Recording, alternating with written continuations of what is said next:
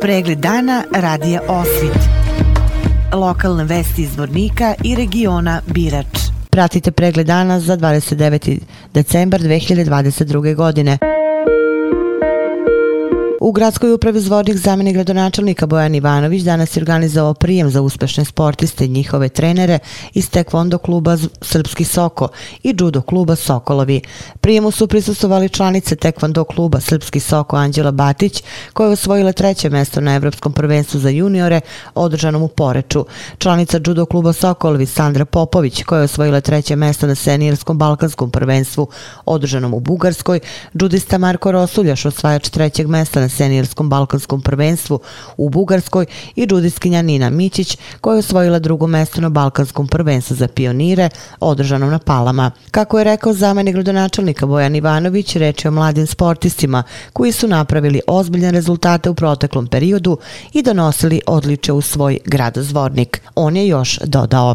Povod današnjeg ukupnja jeste prijem naših mladih sportista iz tekvondo kluba Srpski Soko i čudo kluba Sokolovi. Pa riječ je o mladim takmičara koji su napravili ozbiljne rezultate u proteklom periodu, donosili odličja u svoj grad Zvornik. Radi se o uzornim građanima, dobrim sportistima i želja gradske uprave jeste da oni samo nastavi da vrijedno treniraju kao što su to radili i do sada, a obaveza gradske uprave bit će da stvara što bolje uslove za njihove treninge, kao što znate već u najavi je da tokom 23. godine ćemo krenuti u izgradnju jedne sportske dvorane, odnosno centra za borlačke sportove, čime ćemo sigurno povećati kvalitet uslova za njihovo treniranje, samim tim i kvalitet njihovog rada i očekujemo da i u narednom periodu, kao što su i do sad uspješno predstavljali svoj klub, a također evo i svoj grad. Članica Tekvando kluba Srpski Soko i reprezentativka Bosne i Hercegovine u Tekvandovu Anđela Batić zahvalila se gradskoj upravi na prijemu, a o svojim rezultatima u 2022. godini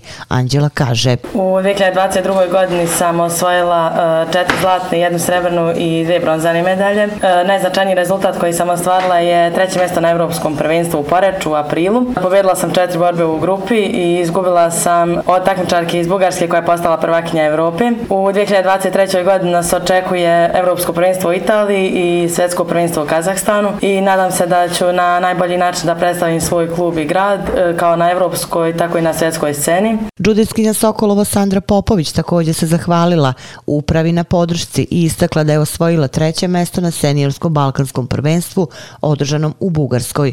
O svojim nastupima u 2022. godini Sandra je rekla. Imali smo e, dosta priprema za e, svetsko evropsko prvenstvo. Svetsko je održano u Sarajevu, evropsko je bilo održano u Poreću i imali smo balkansko prvenstvo u Turskoj. E, imali smo pripreme e, u Sarajevu za svetsko prvenstvo, okupljanje reprezentacije Bosne i Hercegovine. E, nastupala sam na Evropskom kupu za kadete u e, Sloveniji e, i bila sam troštka prvaknja Republike Srpske u konkurenciji kadeta, juniora i seniora. Neradni dani u Republici Srpskoj su 1. i 2. januar, kada se proslavlja Nova godina, 6. i 7. januar, Badnji dan i Pravoslavni Božić i 9. januar, Dan Republike Srpske. U dane praznika Republike Srpske ne rade republičke organi i organizacije, organi jedinice lokalne samouprave, preduzeća, ustanove i druge organizacije i lica koja profesionalno obavljaju uslužne i proizvodne delatnosti. Prema gradskoj odluci o radnom vremenu dane republičkih praznika dužni su da rade zdravstvene ustanove, apoteke i preduzeća za snadbevanje vodom, električnom energijom, prevoz putnika, preduzeća za održavanje puteva i vatrogasna jedinica. U ovim preduzećima, ustanovama i organizacijama obavezno je organizovanje rada i dežurstva u obimu potrebnom za funkcionisanje njihove osnovne delatnosti i za pružanje neophodnih usluga građanima. U skladu sa gradskom odlukom do 15 časova mogu da rade prodajni objekti pretežno prehrambene robe, kao i kiosci za prodaju štampe, butici, prodavnice cveća, frizeri i uslužne delatnosti, radionice održavanja i popravke motornih vozila, a u nedelju 1. januara prema gradskoj odluci o radnom vremenu trgovinskih i zanatsko-preduzetničkih radnji na području grada radno vreme do 12 časova.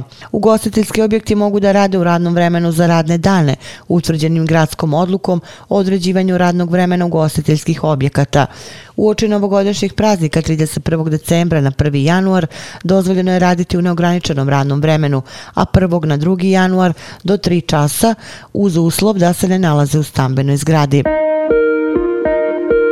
Centar za savremeni ples, umetnost i kulturu Studio 001 iz Vornika večeras organizuje novogodišnji koncert koji će biti održan u Domu omladine sa početkom u 20 časova. Više od Centru za savremeni ples 001 i koje vrste plesa možete da naučite.